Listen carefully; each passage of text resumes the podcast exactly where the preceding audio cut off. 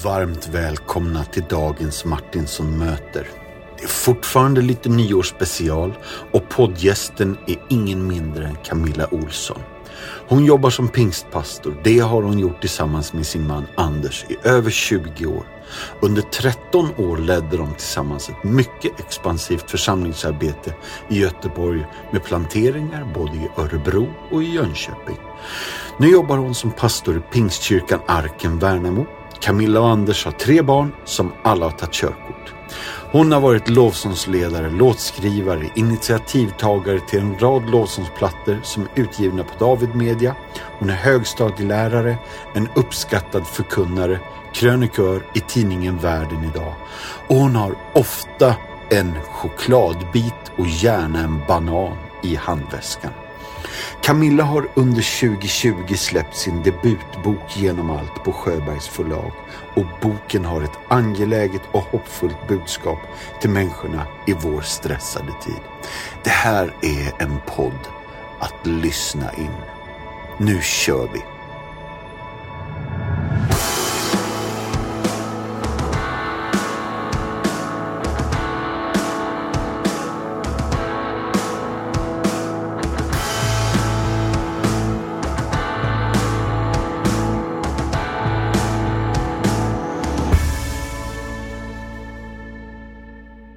Har ju redan hälsat er välkomna, men nu är det äntligen dags för mig att hälsa dagens gäst välkommen. Och när jag gör det så vill jag också säga gott nytt år och välkommen hit Camilla Olsson. Tack så jättemycket och gott nytt år till dig med. Ja men tack. Du, innan vi ger oss på en liten recap av ditt liv, så här Lasse Holmqvist. Eh, men innan vi gör det så har jag fem nyårsfrågor till dig. Wow. Eh, Är du lite beredd eller? Jag är så taggad. Ja, vad bra. Om du ska slappa in ett nyår och vila dig liksom till 13-helgen, vad gör du då och vad är ditt bästa tips till oss?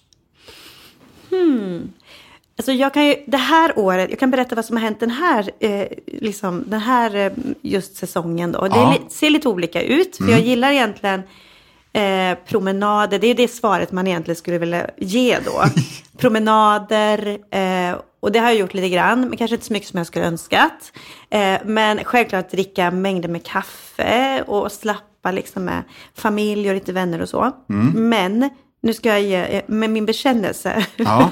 det här året är att jag fastnade för en serie, vilket är väldigt sällan jag faktiskt gör. Det är några Ja. få serier som jag riktigt fastnar för. Och eh, det var ju så att SVT gav ut en serie som heter Vår tid är nu för flera Ja. år sedan, tre år sedan eller någonting. Och den har ju helt gått förbi mig. Jag har inte fastnat för den innan. Jag har inte liksom tittat på något avsnitt. Men precis någon gång innan jul i december så började jag titta på den. De gamla avsnitten? Ja, jag började ja. från början för jag Ja, har inte sett någonting alls. tjena. Och jag totalt alltså försvann in i den här världen och var 45 och så fram 50-talet, 60-talet och så fram till 70-talet. Och sen så dessutom kom ju den här eh, extra eh, säsongen nu, fyra Jag avsnitt. hörde ju om det. Så att jag måste ju helt ärligt erkänna att det har varit faktiskt många timmar framför den. Och det har varit så otroligt avkopplande. Det är jättegött svar. Ja, så det Så- har jag faktiskt gjort ganska mycket det här jullovet och den här liksom ledigheten. Förutom att, och, faktiskt, vi har varit i Åre, vi har åkt skidor och sådär. Men nu var det inte det du frågade. Nej. Nej. Men du, eh, det är alltså ditt tips till oss också. Och kolla in den här. Alltså jag, jag gillar ju historia och jag gillar ju det jag tycker var så roligt med den här, de här säsongerna och avsnitten är att jag känner igen inredning från min mormor och morfar och far. Och också liksom från mitt eget hem och prylar. Alltså, den var så välgjord, det var så vackert och jag gillar ju saker som är vackert och Eh, ja, jag tyckte allt var så vackert med den här filmen. Sen var det en ganska alltså, enormt drama och massa tragik och konflikter. Det är allt möjligt i den. Men ibland tror jag att det är skönt och man kan må bra av att komma in i en annan värld en liten stund och få koppla bort lite sådär. Så eh, Underbart. Jag tycker att det var ett jättebra nyårstips eh, till folk. Att eh, inviga hela januari med och, och, och binge-kolla på, eh, vad hette det nu? Vår tid är nu. Vår tid Har du sett den? Du, jag har sett lite grann faktiskt. Och jag, jag håller ju med om att det är otroligt coolt att de eh, skildrar alla epoker så vackert. Ja. Och sen är det vissa inspelningar här från Göteborg och det är Ja. också intressant. Så att, sen är ju, så ska jag säga själva storyn i sig, det är mycket tragik, det är mycket konflikter, sen slutar den ju ändå hyfsat Nej, nej, Så nej, det är säg- inte så säg att inte hur den slutar. moraliskt sett så finns det väl, det hade varit bättre att jag gett ett svar att man ska, du vet, ja men du fattar. Men det var, Fast- det var ett själsligt sett en, en avkoppling. Jättebra. Du, jag kör på nästa fråga. Jag är jättenöjd. Om du skulle kunna sammanfatta det här året som har gått med tre ord, vilka ord skulle du välja då? Personligen då, så, ja men dels det alla säger tror jag, att det är en extrem flexibilitet som har behövts. Eh, Så flexibilitet i, i allt, liksom planering. Sen eh, givetvis för mig personligen, jag gav ut en bok eh, och den har eh, gett mig massa tillfällen att sitta och prata med människor. Eh, så att då skulle det vara, vad, skulle det ordet vara? Ja men det är nog genom allt då. Ja, Ja. som är titeln på boken. Precis. Ja, så bra. flexibilitet genom allt. Sen har det varit ett år av, vad, vad ska vi nämna det då? Ja, du vet, jag har, alla tre barnen har blivit myndiga. Ja. Så om man säger någonting då med eh, en familjeförändring Mm. kanske. Eh, Alla tre barnen har numera körkort. Sonen har börjat läsa till pastor. Eh, tje- eh, Tjejerna blev myndiga i höst. Alltså på något sätt en förändring, familje, positiv familjeförändring. Just det. Ah, spännande. Eh, vad lärde du dig om dig själv i år? Och då kan man säga i mikroperspektivet. Eh, och hur är du annorlunda jämfört med förra året? Och då är det en liten följdfråga på det här är då mikroperspektivet och makroperspektivet. Hur är världen förändrad jämfört med förra året? Det, alltså, det var ingen liten fråga Nej, jag vet, jag vet. Okej. Eh, mikroperspektivet då, vad man har lärt sig om sig själv. Eh, jag tror att man har lärt sig att uppskatta små saker som förut bara har varit en självklarhet. Till exempel en fika på stan med en vän. Eh, förhoppningsvis då en större tacksamhet i det, i nuet liksom. Ehm, och det har väl att göra med makroperspektivet också kanske. Att det vi har tagit för givet förut, att kunna till exempel som jag då som pastor, att träffas till kyrkan. Eller att kunna resa. Alltså alla sådana här saker som har varit så självklara för oss Ja. är ju inte det längre. Och då känner man en större tacksamhet varenda gång man har fått göra någonting. Man eh, gör en roadtrip med bilen eller man får möjlighet att träffa, eh, gå på någon fest utomhus i somras. Eller när, när någonting liksom bara eh, är helt plötsligt lite annorlunda. Eller när vi ha, fick ha 50 gudstjänster i, i höstas, några veckor där. Liksom. Just det.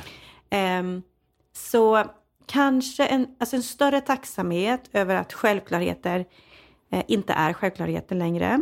Större ödmjukhet till att vi har verkligen inte koll på tillvaron. Vi kanske har trott det. Eh, och det tror jag det gäller i den lilla delen som i familjelivet. Liksom. Att man lär sig uppskatta varandra, man lär sig uppskatta det som är. Eh, men också i, i det stora perspektivet så tror jag alla känner så. Att eh, oj, vad vi har tagit saker för givet. Allt ifrån företagsledare, politiker, världsledare, pastorer, andligt ledarskap. Alla tror jag känner större ödmjukhet på något sätt. Jag vet inte om det var svar på din fråga. Ja, för din fråga var väldigt stor och lång. Ja, väldigt stor och lång fråga. Nu eh, blir den lite kortare. Eh, har du några misslyckade nyårslöften i bagaget? Och hur tänker du kring nyårslöften och sådana grejer? Jag har nog mängder med, med, med misslyckade nyårslöften. Som väldigt många tror jag. Ehm, men jag har ju också många, jag tror också så här att sätta upp mål, eh, att ha vissa löften så tror jag ändå att även om inte det blir 100% men så kanske det blir 40% någon ny vana man bygger in eller något. Och då har man ju ändå gjort en resa åt ett visst håll. Just det. Ehm, Så jag tänker ändå kanske lite mer, mer målsättningar än nyårslöften. Mer, mer den här känslan, vad vill jag göra det här året? Mer, lite mer prioritering än att nu är det här ett nyårslöfte Ja. som man går ut med stenhårt. Så det är nog lite mer försiktig att sätta för stora löften. Jättecoolt, jag fattar precis. Ja, vilket skönt svar. Eh, nu är det sista av de här första fem. En nyårsmiddag med fyra människor som kan vara sedan länge döda eller nu levande. Du får välja vilka du vill och vad skulle ni äta? Åh, vad svår fråga! Åh, käre gud. En nyårsmiddag med fyra personer sa du? Ja, Alltså jag plus fyra personer. japp. Alltså otroligt svårt. Vad kul. Ja, vad Så jag får välja vem som helst i hela världen, någon som Ja. jag inte känner. Ja. Någonting. Ja, men, eh, det skulle varit intressant att träffa eh, Moder Teresa, Ja, faktiskt. Hon hade ju suttit med runt min nyårssupé. japp. Ehm, och sen... Åh, vem hade vi valt med? Vi var, jo, eh, kanske... ehm, ja, men kanske prinsessa Diana eller någonting. Hade varit Ja. intressant faktiskt. Ja, men det Ja, varit så. Ja. Har du sett den serien också? Eh, The, The Crown. Crown? Inte så mycket, Nej. lite grann faktiskt. Ja, jag fastnade lite i början, men sen så nej. Jag har nog aldrig dykt in i sån Nej. som jag gjorde nu med den här. Eh, det var liksom en sån säsong bara. Så hon hade nog varit med. Och sen så hade jag varit med någon mer världsförändare. Någon, eh, ja, men jag kanske hade haft med... Mm, alltså fy, vilka svåra frågor. ja, men... ehm, ehm, låter som jag är helt ointresserad av människor. Det är jag inte alls. Men kanske Billy Graham och hans fru. Yeah. Eh, någon eh, som har levt länge, som har mycket perspektiv. Ja. Och som, varför inte? Ja, men vi hade nog kunnat äta nyårsmiddag ihop då. Och då hade vi ätit kanske ja, men en riktig så här västkust, alltså räkor, riktigt så räkfrossa. Ja, ja. Det hade ju varit intressant. Räkfrossa med Bill Graham, hans fru, Moder Teresa och prinsessan Diana. Ja, riktigt gött att se dem sitta och pilla räkor Ja, och skala dem få i sig lite aioli där. Underbart. Ja. Riktigt, eh, ja, ja men vad fränt. Ehm, du Camilla, den 19 december 1972, vad hände då? ja, men då föddes ju jag. Ja, Tillsammans med min tvillingsyster så föddes ju vi. ah, Mm. är det så det är? Men du, eh, var i syskonskaran är ni då? Eh, vi är ju nummer två och tre då. Ja, Så jag har en syster som är född 1966 ja, eh, som heter Ingela. mm. Och sen så kommer jag då tillsammans med min syster Cecilia. Ja. Mm. Och vem av dig och syrran kom först? Det var ju jag som kom först. Ja. Ja. Är det viktigt för dig och är det jobbigt för henne? Nej, inte alls. Det är nästan så att jag glömmer bort vem var det som kom först nu. Så, Ja. så nej. Ja, vad gött. Ja. Jag har inte så många notiser men jag vet att det är Falköping och du Mm. har själv sagt någonting om Mössebergs hållet. Absolut. Jag Ja. växte upp i Falköping, på, mitt på Slätta. Ja. Eh, så jag är en redig Falköpingstös. Eh, det stämmer. Så där bodde jag på Mössebergs eh, sluttningen liksom. Just det. Mm. Eh, och uppväxt i Pingstkyrkan där. Mm. Jag växte upp eh, mitt i, i kyrkan, väldigt självklart för mig. Mina föräldrar var väldigt engagerade eh, på olika sätt. Sjöng i kör eller pappa var mötesvärd. Var faktiskt mötesvärd över 50 år i samma kyrka innan han eh, gick till himlen här för tre år sedan. Eh, så jag växte upp eh, engagerad, var med och sjöng i barnkör, ungdomskör, ledde barnkör från det att jag var 15 år. Eh, var med eh, väldigt mycket, måste jag väl säga. Hade mina vänner där, var ja, en härlig uppväxt, eh, mycket engagemang. Det var, det var roligt. Eh, mm. Eh, sen kan inte jag riktigt uttala det här då, men heter det Ålebergsgymnasiet. Ja, Ollebergsgymnasiet. Ålebergsgymnasiet, Ja, ja, men det. självklart. Du har verkligen koll. Nej, jag har inte det. Jag bara låtsas som att jag har det. Och så, ja. Jag har inte så många notiser här. Eh, men jag vet, alltså, om vi tar några andra datum då. Eh, 27 april. Eh, 1996 tror jag va? Precis. Ja, Det stämmer. Då gifte jag mig med, med Anders.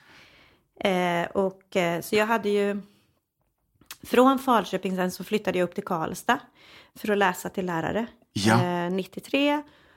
Och efter ett halvår där fick vi en ny ungdomspastor till kyrkan. Och jag engagerade mig där i, i Pingstkyrkan i Karlstad. Och då kom Anders eh, med sin gitarr och sitt eh, glada leende. Han var jättepassionerad för Gud. Och han talade i tungor hela tiden. Han var ganska annorlunda Ja. alla andra killar jag hade liksom hängt med innan. Han var så tänd för Jesus. Och ja, det dröjde något år. Vi var väldigt goda vänner och han blev min ungdomspastor. Jag blev en av hans ledare. Och sen så dröjde det ungefär ett år. Så blev vi ett par. Och så gifte vi oss efter ett år. just det. Och då är vi, alltså det här var 94, 95 någonstans då. Just det. Eh, och då var det Karlstad universitet. Men Sätoftaskolan, heter Ja. det det? Precis. Ja. Eh, från Karlstad då efter några år, 99 flyttade vi ner till Hör för att vi eh, gick rakt ut, som man säger, rakt ut i det pionjära på det sättet att vi gick lite oväntade vägar. Så vi kopplade ju mycket med, det var en kyrka som heter Karisma som ville att vi skulle komma ner och bli pastorer och vi skulle, eh, Anders skulle bli föreståndare då i Hör. Ja. Och det här är 99 så flyttade vi ner, jag och Anders. Och jag var precis färdig lärare då så jag började jobba. Så jag fick jobb som lärare och han jobbade, ehm, ja han jobbade ju oavlönat ett par år innan han kunde ta ut en liten lön då. Så att eh, först var jag på en skola inne i Hör som hette någonting som jag faktiskt har glömt bort nu. Men sen så hamnade jag på Sätoftaskolan då, eh, i, utanför, lite strax utanför Hör och där jobbade jag i flera år som lärare på högstadiet. Körde du heltid med detta då? För du var inkomsten, höll på att säga. Absolut. Ja. Så jag var ju, det var ju liksom en förutsättning och då det var ju en ganska speciell tid därför att jag hade ju precis då innan i två och ett halvt år haft den här eh, em, ja, säsongen jag inte mådde bra som jag beskriver i, i min bok bland annat. Just då. det. Eh, och då upplevde jag att jag kom över på andra sidan och upplevde frihet och hälsa på väldigt många sätt. Eh, och då precis liksom i jul så, så blev jag klar lärare, lyckades fullfölja min utbildning och så skulle vi flytta ner till Skåne. Och då visste jag att nu är, jag, nu är vi helt beroende av att jag ska försörja oss då. Ja. Eh, så eh, det var fantastiskt att det bar faktiskt. Så, då, så jag jobbade heltid som lärare i, eh, i flera år med avbrott för eh, att jag födde barn då. Just Och var det. mammaledig. Just det. Och de här barnen nu då? Nu, det har ju du redan berättat om dem, men vi har inte sagt att de heter Lukas, Debora och är det Rebecka va? Eller är det Eb- Ebba? Ebba. Jag hade Ebba i mina papper, men precis. Ja. Men hon heter Ebba Rebecka. Ja, Så. vad skönt. Så, Vilken tur. så Rebecka var med. Mm. Ja. Och vi vet ju redan hur gamla de är. Men eh, i hela den här eran så vill jag minnas att du börjar skriva lovsånger också. Det stämmer. Det kom ut flera plattor på Mm. Davids hjärta. Det stämmer. Så eh, 2002, vi kom ju då till Hör och eh, började bygga kyrka där och började bygga team och mitt ansvar var i lovsången. Ja. Det hade jag hållit på med i Karlstad också. Ja. Och det fanns en längtan också att skriva låtar. Jag hade aldrig gjort det eh, innan, men jag började skriva någon låt redan under Karlstad-åren. Men sen när vi kom till Hör så eh, ja, jag fick en längtan och vision om att det här ska ske och det var, det var liksom olika profetiska bekräftelser som kom på olika sätt också. Eh, plus att jag lärde känna eh, Lasse via, egentligen via att jag jobbade mycket med Nyhemsveckan också. Ja. Eh, och ledde lovsången där och jag översatte lite dels översatte jag lite låtar ifrån en kyrka som hette Hillsong. Ja. Eller den hette faktiskt Hills Christian Life Center då. Det här är ju många år sedan. I Sydney, Australien, det var inte så många som kände till dem i Sverige. Men vi hade varit på besök där nere och jag kom hem och hade med mig en översättning som hette eh, Värdigt är Guds lamm. Från Ja. en låt som heter Worthy, eh, Worthy is the Lamb. Jajamän. med Daniel Käck. Och på olika sätt så fick jag kontakt med Lasse då och berätt, för han satt inne med auktoriteten tror jag till översättningarna. Så Ja. det var nog så vi fick kontakt egentligen. Och på olika sätt så möttes vi och jag vet att jag var väldigt frimodig och sa att vi ska skriva låtar i hör. Eh, och vi ska ge ut jag liksom nästan utmanar honom, jag utmanar sannoliken mig själv. Men för det var verkligen en känsla jag fick att vi ska skriva låtar. Och då hade jag kanske i nuläget bara översatt ett par, börjat småskriva på en eller två. Eh, men där och då så startade en process som gjorde att vi faktiskt sen då 2002 på våren kunde gå in i, i studion och, eh, och sen kom en uppföljare 2003. Just det. Jag minns det här. Mm. Jättefränt. Och när vi säger Lasse så är det Lasse Pettersson på David Media. Yes, Det är bra, så alla vet om vilken Lasse det är. legenden. Ja. Men du, när blev det Göteborg efter det här då? Eh, 2005 då så upplevde vi att det började liksom rycka i oss på något sätt. Vi förstod att vi förstod, vi hade på något sätt en längtan efter att, eh, eller vi började uppleva en längtan att, att gå vidare, att bygga kyrka i en storstad. Eh, Eller vi, ja, det kom en, en längtan i oss och eh, David Johansson som var pastor och föreståndare då i Gilead här i Göteborg. Eh, han tog kontakt med oss. Och då tyckte väl vi inte alls egentligen att det var läge. Ehm, men vi gick med på att åka upp hit. Och det här var 2005. Så kom vi upp här tidigt på året. Besökte kyrkan. Eh, upplevde väl inte alls egentligen att det var självklart på något sätt. Eh, utan vi kände att det här kommer bli en utmaning. Eh, är det här rätt? Vi var liksom, det var inte självklart om man säger så. Nej. Men vi kunde sen inte släppa det. Så under hela 2005 gick vi och brottades därför att vi hade ett nybyggt hus i Hör. Det var mycket som var liksom, ehm, vad ska jag säga, det var inte bara att rycka upp rötterna när du hade tre barn eh, heller. Så, men vi kom aldrig ifrån det där. Så vi upplevde sen att vi skulle eh, sälja vårt hus. Och ehm, det var en process. Så helt enkelt, vi började jobba i Göteborg i november 2005. Men sen ordentligt flyttade vi upp en nyår då. Så januari 2006. Just det. Och hur många år blev det med Gilead som sedan hette Connect Church och sen Hillsong? Men hur många år? All tutti? Eh, det blev ju då eh, till och med 2018, alltså hela 2018 ut, så det är 13 år. Ja, Mm. otroligt. Vilken resa alltså. Ja, det var en makalös resa. Det, Vi hade ju ingen som helst förut, eller alltså det var inte så att man kunde förvänta sig att allt det här skulle hända och den enorma ehm, tillväxten Tillväxt, som var ja verkligen. eh, en tiodubbling av en kyrka, eh, av en lokal församling. Och eh, det är, eh, vi känner oss otroligt ödmjuka, men det var självklart har det varit eh, enormt mycket arbete och hela själ, man la in hela sin själ och sitt hjärta in i det. Men det var också en oerhörd glädje. Och eh, eh, så mycket fantastiska människor och ehm, så, så det hette ju Gilead några år, sen byttes det namn till Connect Church och då hade vi redan igång liksom tre gudstjänster och vi nådde väldigt, väldigt mycket unga människor. Så det var ett naturligt steg att byta till namnet Connect Church. Ja. Ehm, så startade vi upp i Jönköping och i Örebro. Ja, ja, jag minns att det var flera planteringar på gång där också. Jag var, jag var med någon gång när ni hyrde Storan och jag Mm. ledde några lovsånger vid något tillfälle. Och bara fascinerades. Jag tror att ni hade gjort en skiva. Och så skulle det vara 2009. releaseparty och då hyr man Storan. Det är bara en sån skön grej. Det var fantastiskt för då, det här var 2009 i maj. Och vi, eh, som lokal kyrka då, en söndag, kanske vi samlade 250. Om man nu ska liksom Ja. göra det konkret, liksom, Ja. hur, hur mycket folk det faktiskt var. Så Ja. var det inte mer än så. Och, ehm, ehm, och vi, vi hade väl, fram till det, den tillfället hade vi liksom varit på Danska vägen i våra lokaler. Vi hade aldrig tagit kyrkan utanför. Ehm, vi hade två gudstjänster igång då, tror jag vi hade börjat med. Men eh, Anders och jag upplevde väldigt tydligt, vi gick förbi Storan och så här vore det häftigt att vara.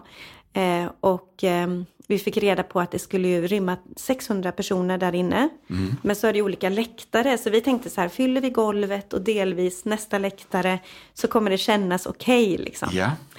Eh, så det var verkligen bara, det var ett av våra första riktigt stora trossteg. Om man säger att man tar, sen följde ju en rad av det under åren som följe, följde. Men så gick vi in där och eh, vi släppte skivor. Vi hade ju ett fantastiskt team. Eh, musiken var ju, det var superbra. Den hette Friheten är här. Eh, Jonas Pettersson i spetsen och alla musiker och sådär. Och det blev ju fullt. Eh, och vi det var till och med folk som fick vända i dörren. Och för oss var det ju sådär helt otroligt. Vi var ju helt överraskade. Eh, och du kom, och Uffe Kristiansson var där. det. Du ledde lovsång tror jag. Jag Ett tror par, att tre låtar. Ja, jag tror jag Ja. gjorde det. Något eh, medley någonstans. Ja, jättemysigt. Mm. Det är otroligt spännande att höra om den här resan. Eh, men nu är det sedan några år tillbaka så är ni på Arken i Värnamo. Mm. Och eh, då pratar vi inte om Arken Zoo i Värnamo. Nej, Utan det, det är en församling som och heter... inte Arken spa heller. Nej, just det. Och så finns det en Arken i Kungsängen som leds av Linda Bergling vet jag. Ja, Och just, det finns många arken. Ja. Men du är i Värnamo Yes. och du är säker på att det är en kyrka i alla fall. Det är det. Det är bra. Och där jobbar du och Anders.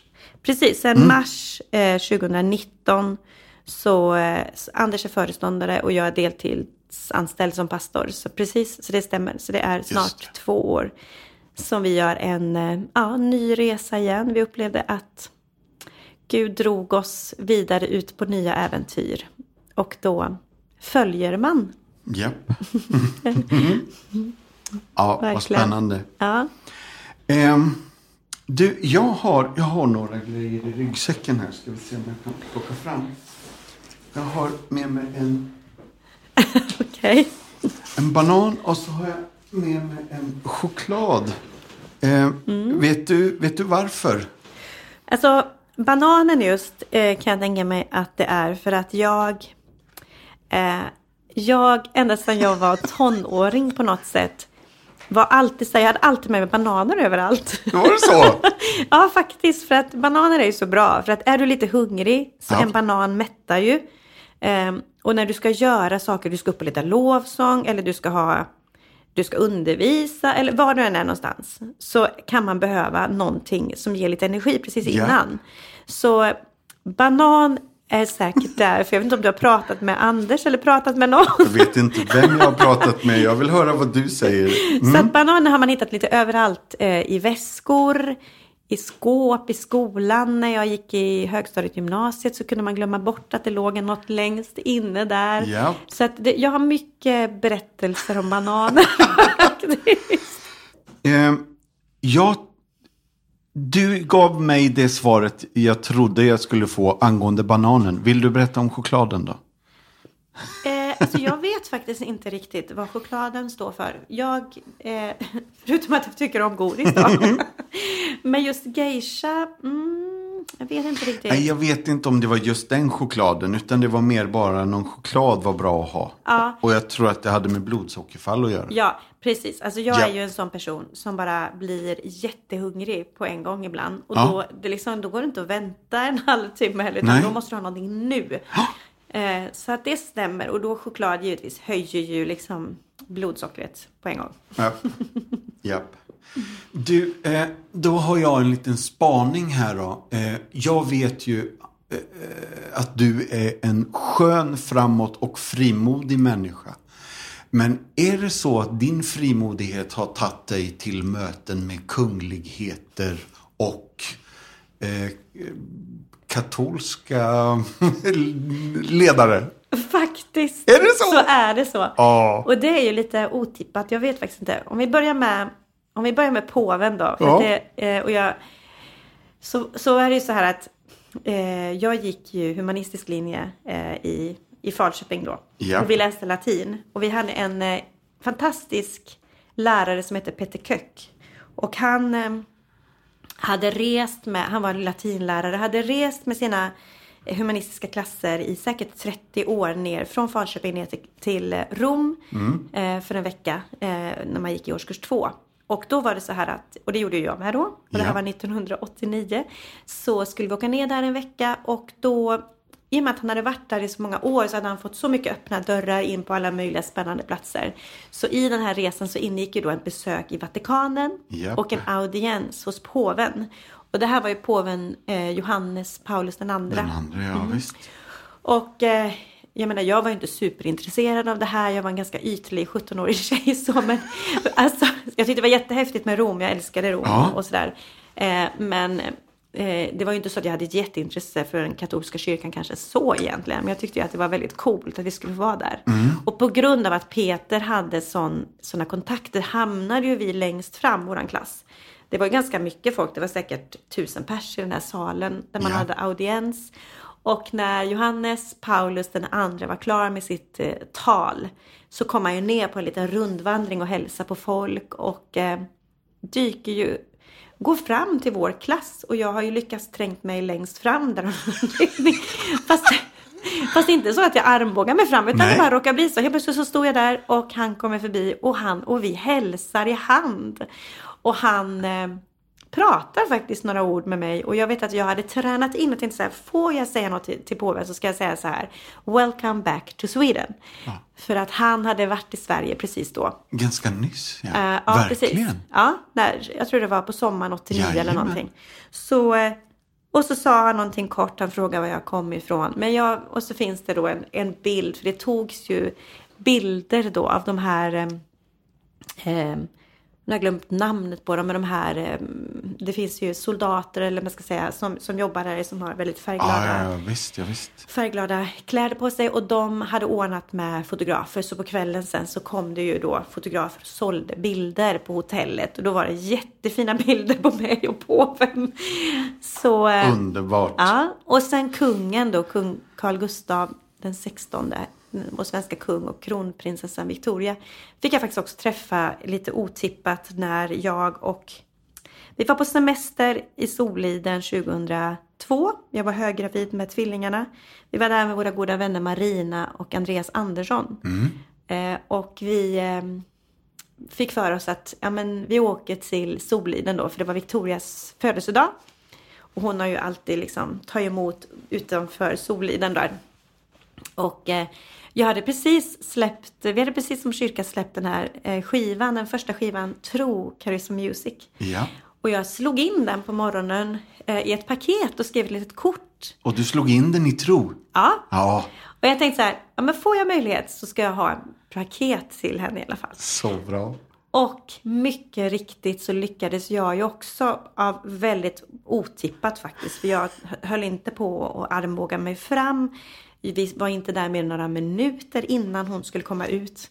Men helt plötsligt så stod jag där eh, framför henne. Jättegött. Och fick en pratstund både med kungen Ja. och med kronprinsessan. Ja.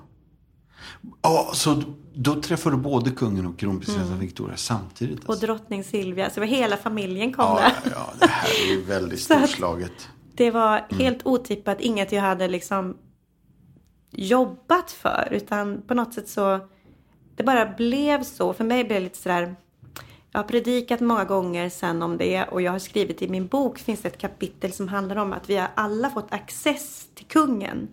Alltså att vi, vi har inte förtjänat det.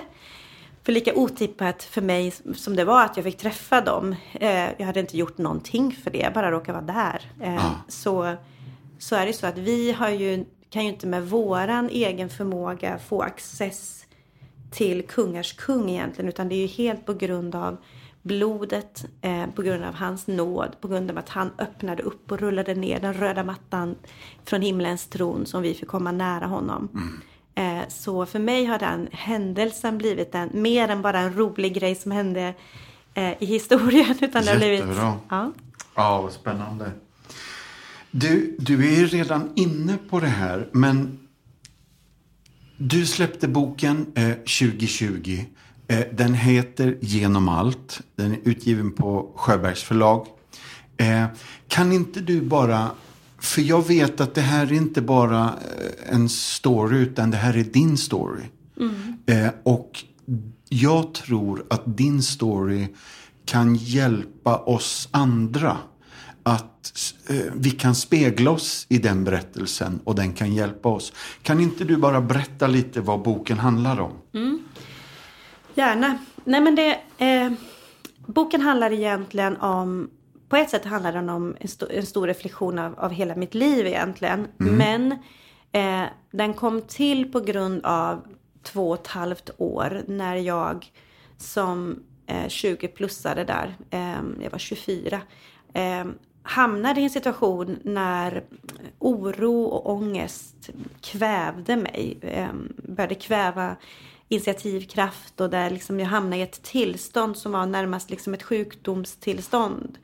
Ehm, och, då, och jag var precis nygift med Anders. Det här var 96 i december och jag hade, på något sätt så fick jag under två och ett halvt år kan jag säga innan, innan det totalt vände och vi flyttade ner till Hör och jag skulle börja jobba som lärare då.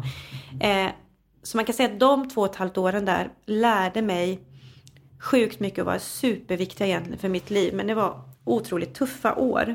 Eh, och, men när man ska berätta eller ge ett vittnesbörd, för jag, det jag upplevde då var att eh, jag tänkte jättemånga gånger att det här ska jag skriva ner och jag ska ge ut det som ett vittnesbörd.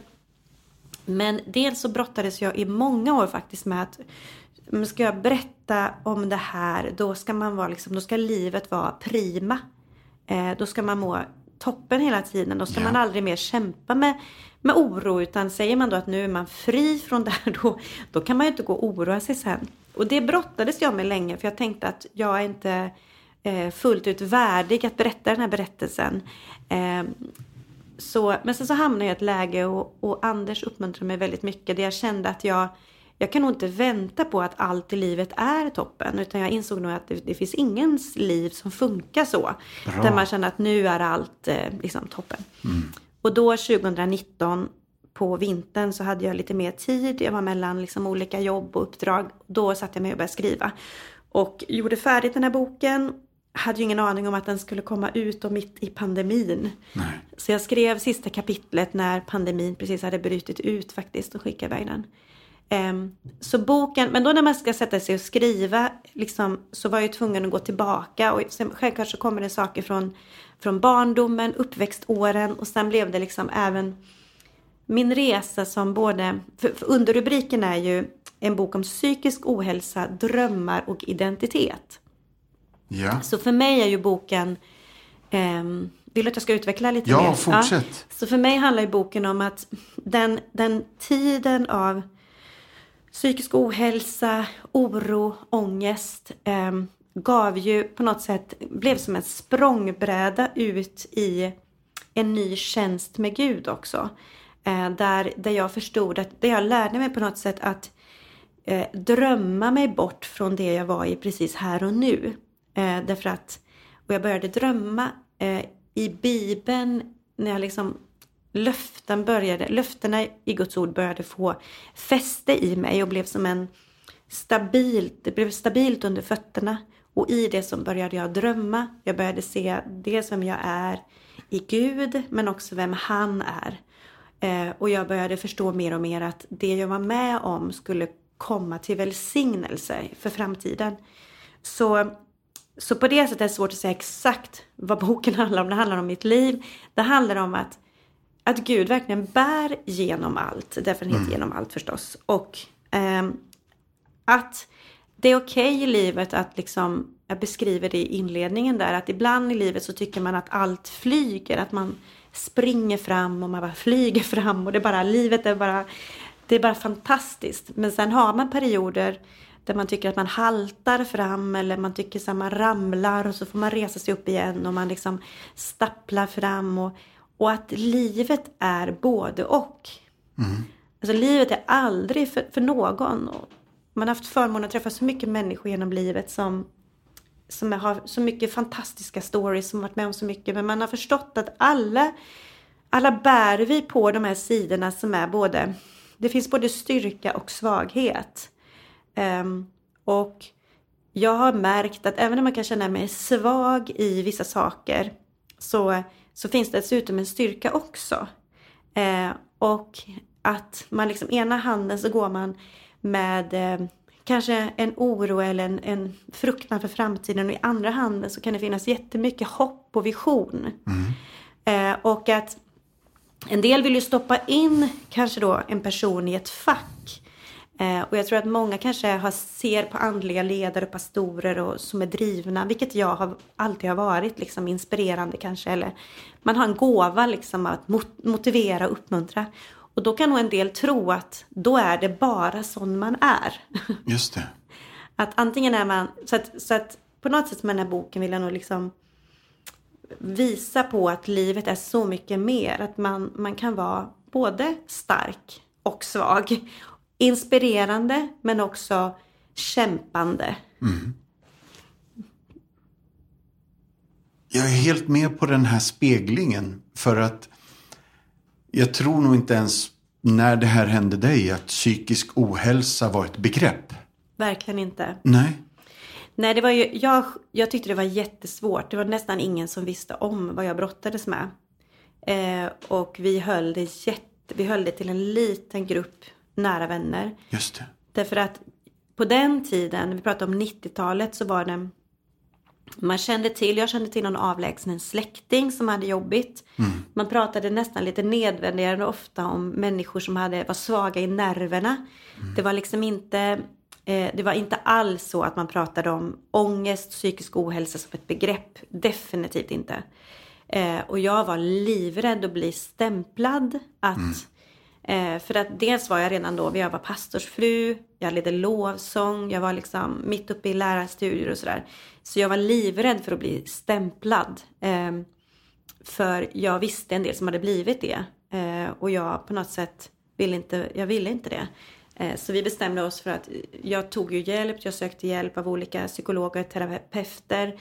Eh, vi dök in i, i eh, bön och i bibeln och promenader och eh, mötte människor som kunde liksom stötta och hjälpa oss och människor som visste hur, hur vi mådde. Men det var en begränsad skara. Um, nu är ju allt annorlunda eh, i liv. Nu pratar vi jättemycket om psykisk ohälsa. Tycker dock kanske inte att vi inom kyrkan har pratat om det så mycket förrän ganska så nyss egentligen.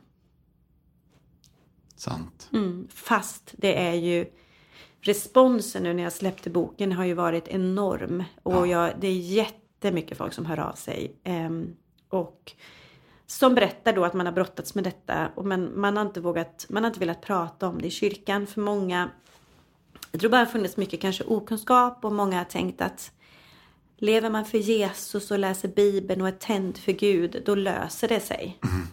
Men allt löser sig inte faktiskt bara sådär automatiskt. Eh, utan vi kan behöva, precis som vi behöver sjukvården när vi går till läkaren om vi har ont i magen eller ont i benet. Så kan, om det gör ont i själen och vi har sår med oss kanske från barndomen eller trauman vi har varit med om eller någon som har varit elak mot en. Och det liksom blir någonting som inte rinner av en. Då kan man behöva ta tag i det. Jag såg eh, i någon artikel att du gav lite tips till folk som var någonstans på den här resan. Har du några tips till lyssnarna? Ja, men jag tror att, att prata med någon, alltså inte att släppa, släppa på liksom den här fasaden av att det inte, är okej, att det inte skulle vara okej att prata om det. Ehm, man kan pra- är, man, är man en del av en kyrka så kan man så finns det säkert förhoppningsvis en pastor man kan prata med. Få tips och hjälp. Inom pingst så har vi en, en kvinna liksom som är anställd inom pingst omsorg. Jag tror att de flesta kyrkor eller kyrkrörelser nu för tiden har det. Ehm, Som en själavårdare? som en liksom. själavårdare. Och då kan det vara ett första samtal där kanske den personen kan avgöra. Eh, behöver du liksom psykiatri? Alltså är det på den nivån att man behöver någon annan hjälp? Jag tror att många gånger så kan en själavårdare eller en, en diakon i, Svenska kyrkan, finns jättebra diakoner som man kan söka upp. Eh, och det kan många gånger hjälpa för ibland kanske man bara behöver prata av sig lite och få den här men sen ibland kan det ju vara djupare saker som man faktiskt behöver en, en, eh, en terapeut, en, någon som är liksom expert på sorgebearbetning eller trauma eller vad det nu kan vara. Eh, så att, att ta hjälp och fråga någon som man tror kan hjälpa en vidare. Just det. Ehm, tror jag är jätteviktigt. Ehm, att ehm, givetvis att läsa böcker om det, att ta reda på mer om det. Ehm, men att komma igång, jag tror bara det första samtalet, bara att man gör det här första samtalet och att man sträcker sig ifrån sig själv och vågar berätta hur det är. Jätteviktigt. Ja, jättefint. Ja, tack snälla Camilla för att du delar. Och tack också för att du skriver. Det här är, det här är viktigt för oss i den tid vi är i. Mm. Känns ju väldigt angeläget. Och eh, gott att det här kommer. Mm. Mm. Det är bra. Då skulle jag vilja ta några minuter nu och dela lite av vad Compassion gör. Vårat arbete på fält. Och jag vill börja med att berätta en berättelse. Och Camilla, du får känna dig helt fri och flika in och ha funderingar. Och sen tar vi ett samtal. Eh, men nu ska ni få höra. Tvåårige Chris dog nästan under covid-19-pandemin. Hans mamma övergav honom och, en släkting fick hjälpa till när mamman plötsligt flyttade till en ö i Kampala i Uganda. Hon lämnade utan att informera Edith, projektledaren vid Kigungu Compassion Center där Chris är inskriven i fadderbarnsprogrammet. Chris pappa hade dött och man tror att mamman flyttade bort för att slippa konflikterna med sina svärföräldrar. Chris togs då om hand av sin farmor Bettina. Farmor Bettina hjälpte redan sex barn och varav tre inte ens var hennes egna. Hon blev chockad över hans uppsvullna utseende när hon först såg honom. Hans hud var blek, hans hår var brunt istället för svart och det såg ut som han hade blodbrist och hans kropp skakade så fort han stod upp. När Chris vaknade kunde han inte gå själv ordentligt eller stå själv ordentligt för han hade ingen energi, berättar hon. Hon tog honom till sjukhus och där fick han bland annat diagnosen ljumskbråck. Läkare rekommenderade en serie akuta operationer som skulle kosta 4 miljoner shilling, ungefär 1000 US dollar. Hon försökte sitt bästa men Bettina kunde bara skaffa fram 200 000 shilling. Alltså 54 US dollars. En bråkdel av kostnaden. När hon ringde släktingar och bad om hjälp så upptäcker hon att Chris var en del av Compassion fadderbarnsprogram. Och då fick de tag på Ediths kontaktuppgifter. Edith och Compassion arbetade då för att samla in de pengarna till de här tre operationerna som Chris behövde. När hon ringde farmor Bettina för att berätta att operationerna kunde ske så kunde farmor knappt tro att det var sant. Jag kom precis hem från marknaden. Jag minns det som att en stor sten släppte från mig, berättar Bettina. Jag ringde tillbaka till Edith tre gånger bara för att bekräfta att allt hon hade sagt var sant. Jag trodde att jag drömde, men det var på riktigt. Strax därefter togs Chris in på sjukhuset. Efter åtta timmars operation var allt klart. Edith såg till att Bettina fick med sig matpaket till alla barnen eftersom hennes mans inkomstkälla hade påverkats så starkt av covid-19s lockdown. Idag har Chris återhämtat sig helt. Han springer, spelar, leker och busar med sina vänner. Hans mamma har dock inte kommit tillbaka till honom, men farmor Bettina är helt upp över öronen kär i honom. Och hon är så glad att få uppfostra honom som sin egen. Chris har fått tillbaka vikten och han är glad igen tack vare den hjälp han fick i elfte timman från Compassion. Nu vet ni ungefär min fundering och min fråga och den är väldigt enkel. Vill du hjälpa ett barn som Chris att växa upp? Vill du vara med och ta hand om en farmor som Bettina? Att fullständigt komma loss ifrån fattigdom genom Compassions arbete. Behovet av nya faddrar är utan att överdriva jättestort. Och för 310 kronor i månaden så understödjer du ett fadderbarn holistiskt. Vilket innebär, vi jobbar på fyra sätt.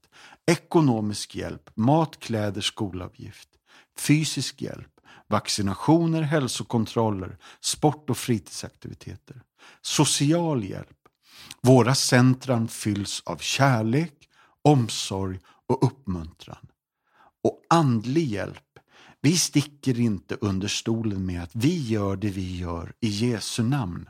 Så därför har vi åldersanpassad söndagsskola, vi sjunger och leker med barnen och undervisar om Jesus.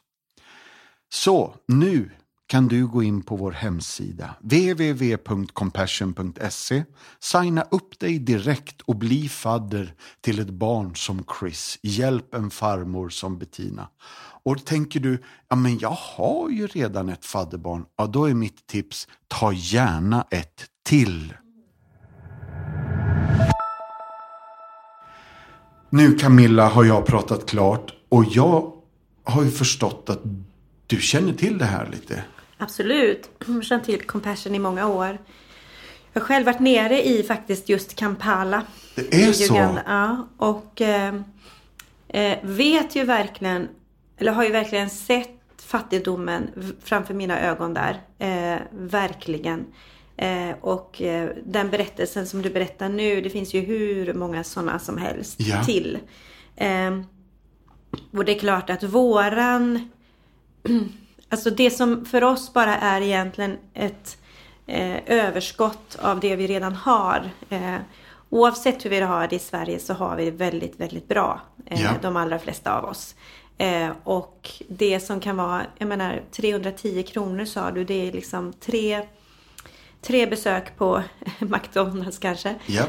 Eh, tre, fyra besök. Men det, det är ju inte mycket pengar för, för oss. Men skillnaden för de här barnen och för de som lever där nere, den är ju enorm. Ja. Eh, för att det är en sån utsatthet som är helt kopiös.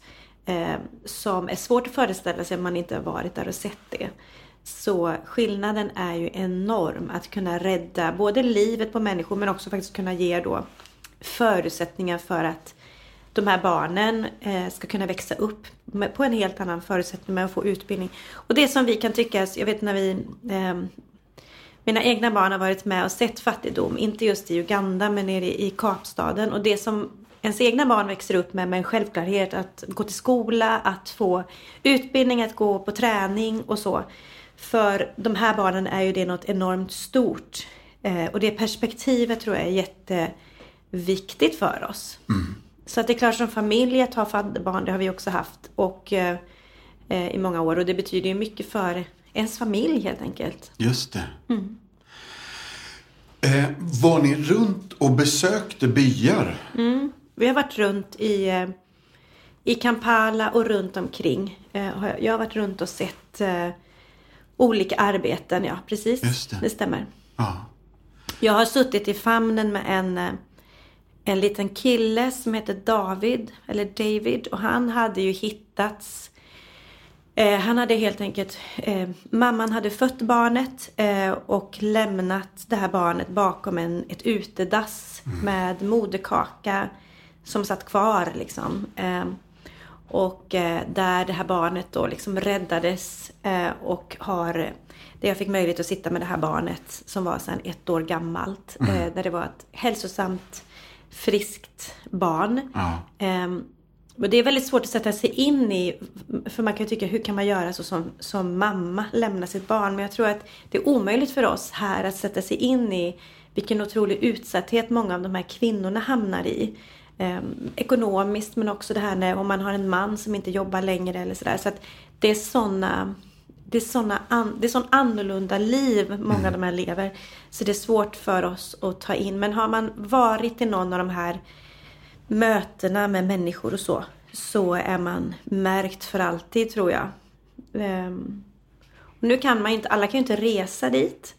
Så alla kan ju inte åka iväg. Men däremot kan man eh, avvara lite pengar varje månad. Mm. Det gör ju en stor skillnad. Och det är det här jag tycker är lite häftigt. För just nu så sitter ju folk hemma och tänker att nej men det är ju nästan lockdown i Sverige. Vi, Mm. vi har svårt att kunna hjälpa till. Men då är det faktiskt så att nej men det går att hjälpa till hemifrån. Mm. Och det går ju också att ha direktkontakt. Det där tycker jag är intressant. Mm. Att man kan ju faktiskt, eh, de hör ju av sig. Compassion-barnen hör av sig till sina faddrar. Mm. Och man svarar om man vill och kan få en riktigt eh, god relation. Absolut. Sen är det ju ofta så att när vi pratar om fattigdomsbekämpning så känns det mer som en stor filt bara. En stor svart tung filt som hängs över en. Och man vet inte hur man ska göra eller vad man ska göra. Men det här låter ju väldigt både praktiskt och konkret tycker jag. Verkligen. Ja. Ja men det tror jag för att det är ju, det är ju så man kan uppleva det. Att vad kan man göra eh, härifrån Sverige? Och det som du säger, nu kan vi inte ens resa någonstans och så. Men jag tror att man, eh, om alla tar ansvar för att göra någonting eh, på den nivå man är liksom. Eh, så är klart att då, bi, då gör vi någonting eh, i alla fall. Och att vara att vara händer och fötter för, för Jesus på den här planeten nu. Eh, det finns många olika sätt att göra det. Men just det här att ha ett fattigbarn är ju ett utmärkt exempel på att man faktiskt kan förändra liv eh, och bekämpa fattigdom härifrån. Från sin hus eller sin lägenhet här i Sverige. Absolut. Ja, det är jättegött. Har du någon mer tanke kring det där? Annars så har jag en annan fråga till dig. Du får ta nästa fråga om du vill. Ja, men du, då kör jag. Nu är det ju nyår och jag bad ju våra gäster nu, de, ni fyra som kommer här i januari, att ta med kanske ett bibelord eller en tanke.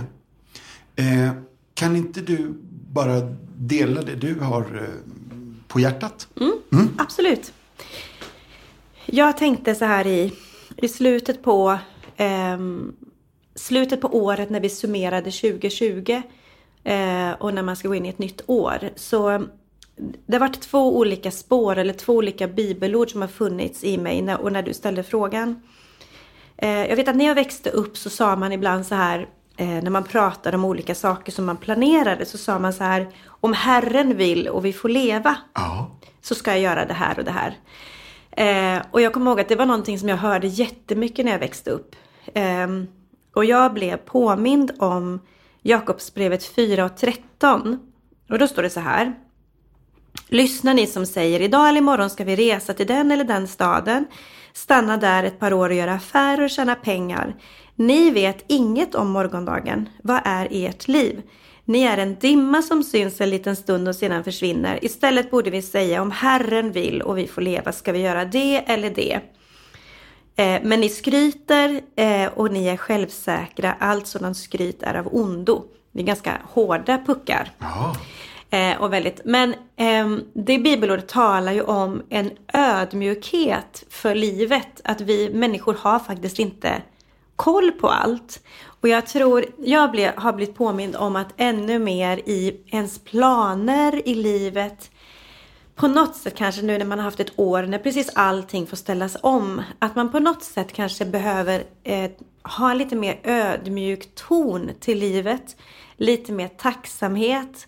Att det är ändå så här att upp till syvende och sist at the end of the day så är det, så är det Gud själv som leder våra liv och som styr våra liv. Eh, och då när man går in i ett nytt år eh, som, nu är jag ju både lärare men som pastor. Man sätter upp mål, man börjar prata som, som pastor har jag alltid jobbat visionärt. Man, har man hållit på så många år som, vi, som jag har gjort, över 25 år och bygga kyrka, så blir det att man, man kan ju gå in i gamla hjulspår och man gör saker av vana och så vidare. Och jag tror att med året i backspegeln och med den här inställningen av att om Herren vill och vi får leva, så, så ställer man ju sig inför frågan till Gud, att Gud vad vill du med det här året? Och vad är din tanke? Och på något sätt så tror jag att just nu lever i en tid när hela världen på något sätt måste tänka nytt. Eh, det gäller företagsledare, det gäller politiker, eh, det gäller pastorer. På något sätt så måste vi tänka nytt. Hur gör vi livet nu? Mm. För det så, allting har ändrats liksom. Så vi vänder nytt blad. Vi lämnar absolut ett år bakom oss som för många har varit fruktansvärt tufft. Men, och då vill jag lite mer ha inställningen att, att anden ska leda mig. Och då häromdagen så upplevde jag, så började jag läsa Johannes evangeliet 3 och 8. Och då står det så här. Vinden blåser vart den vill och du hör dess sus. Men du vet inte varifrån den kommer eller vart den är på väg. Så är det med var och en som är född av anden. Och sen så står det också i andra Korinthierbrevet här att eh, och alla vi som obeslöjat ansikte ser Herrens härlighet som är en spegel. Vi förvandlas till en och samma bild. Från härlighet till härlighet, det sker genom Herren, anden. Och längre upp så står det att Herrens ande, där är frihet. Mm. Och så när jag går in i det här året så, så vill jag verkligen uppmuntra dig som lyssnar. Jag vill uppmuntra mig själv också, men att låta den helige ande få lite mer utrymme att ta kontroll. Mm. Och jag känner att jag vill vara ledd av anden. Jag vill inte bara gå in i gamla traditionella hjulspår. Jag vill inte bara göra det jag alltid har gjort. Eh, vi sätter upp planer och det ska vi göra. För, för det kan ju bli väldigt flummigt om vi tänker att nu ska anden leda oss hela tiden. Men för mig är det inte flummigt utan för mig är det mer bara an, att den heliga ande ska leda mig nu. I de planer eller målsättningar jag har. Jag vill vara ledd av anden. Jag vill gå, även om det är ovana vägar, nya stigar som ska trampas upp. Eh, för jag vill leva i den frihet. För att det är mycket som har tagits ifrån oss av frihet kan vi tycka. Att vi får inte resa dit vi vill, vi får inte göra det och vi får inte göra det. Men där Herrens ande är, där är frihet. Mm. Och när Guds ande bor i oss så är ju vi fria. Oavsett om inte vi kan träffas i stora folksamlingar eller göra allt vi brukar göra så kan det finnas en frihet när vi kopplar med anden. Och han kan leda oss dit han vill det här året. För han är ju redan i liksom april och i juni. Han vet allting om det här året. Så för mig är det en uppmuntran att dels en ödmjukhet att livet är som det är just nu. Mm. Men Gud, han sitter på sin tron. Han har gett oss den heliga ande och vi kan vara ledda av honom i den här annorlunda tiden som 2021 är. Och han vill ge oss en frihet i, i det som vi kan tycka på ett sätt är begränsningar. Men när vi har den heliga ande i oss så behöver vi inte uppleva de begränsningarna som alla andra. Utan vi kan uppleva frihet i, i den heliga ande. Så det vill jag skicka med det här året. Jättegott. Tack snälla Camilla. Tack för bibelorden och tack för det du delar. Jag tror att jag snart är framme vid att vi avrundar för idag. Har du någon fundering att det här skulle jag vilja skicka med innan vi säger slut för idag? Ja, men jag tänkte på det här när vi pratade om att förändra världen. Och då mm. tänkte jag om att man kan tycka att man blir överväldigad. Eh, hur, ska, hur ska vi göra det här? Eh, och vi pratade om att eh, ta ett fadderbarn, att det är ett steg i rätt riktning. Mm. Och jag vill, jag vill fortsätta understryka det här att eh, låt inte den här överväldigande känslan kväva ditt initiativ. Ja, bra. Därför att ett initiativ från din och min sida och det kan vara något vi gör för någon här i Sverige också eller för en medmänniska eller granne. Men de små initiativen vi kan göra kan vi tycka är små. Men de är inte små i Guds ögon utan det är just de här små sakerna som faktiskt är det stora. Det. Eh, och eh, Så jag vill bara skicka med dig att låt det här året vara ett år när du tar initiativ.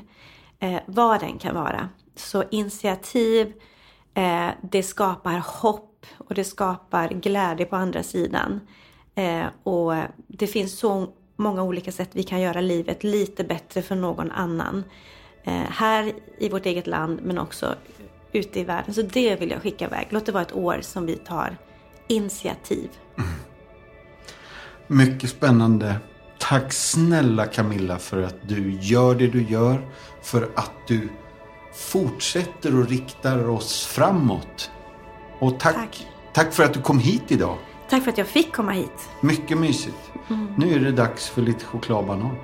Tack. Slut för idag och tack för idag allihopa. Vill du veta mer om det som har pratats om i podden så har vi något på vår hemsida som heter Show Notes.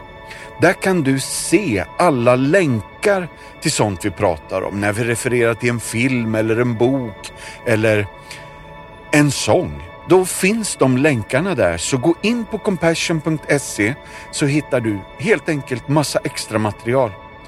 Tack, ha det bra, bye bye, hej då!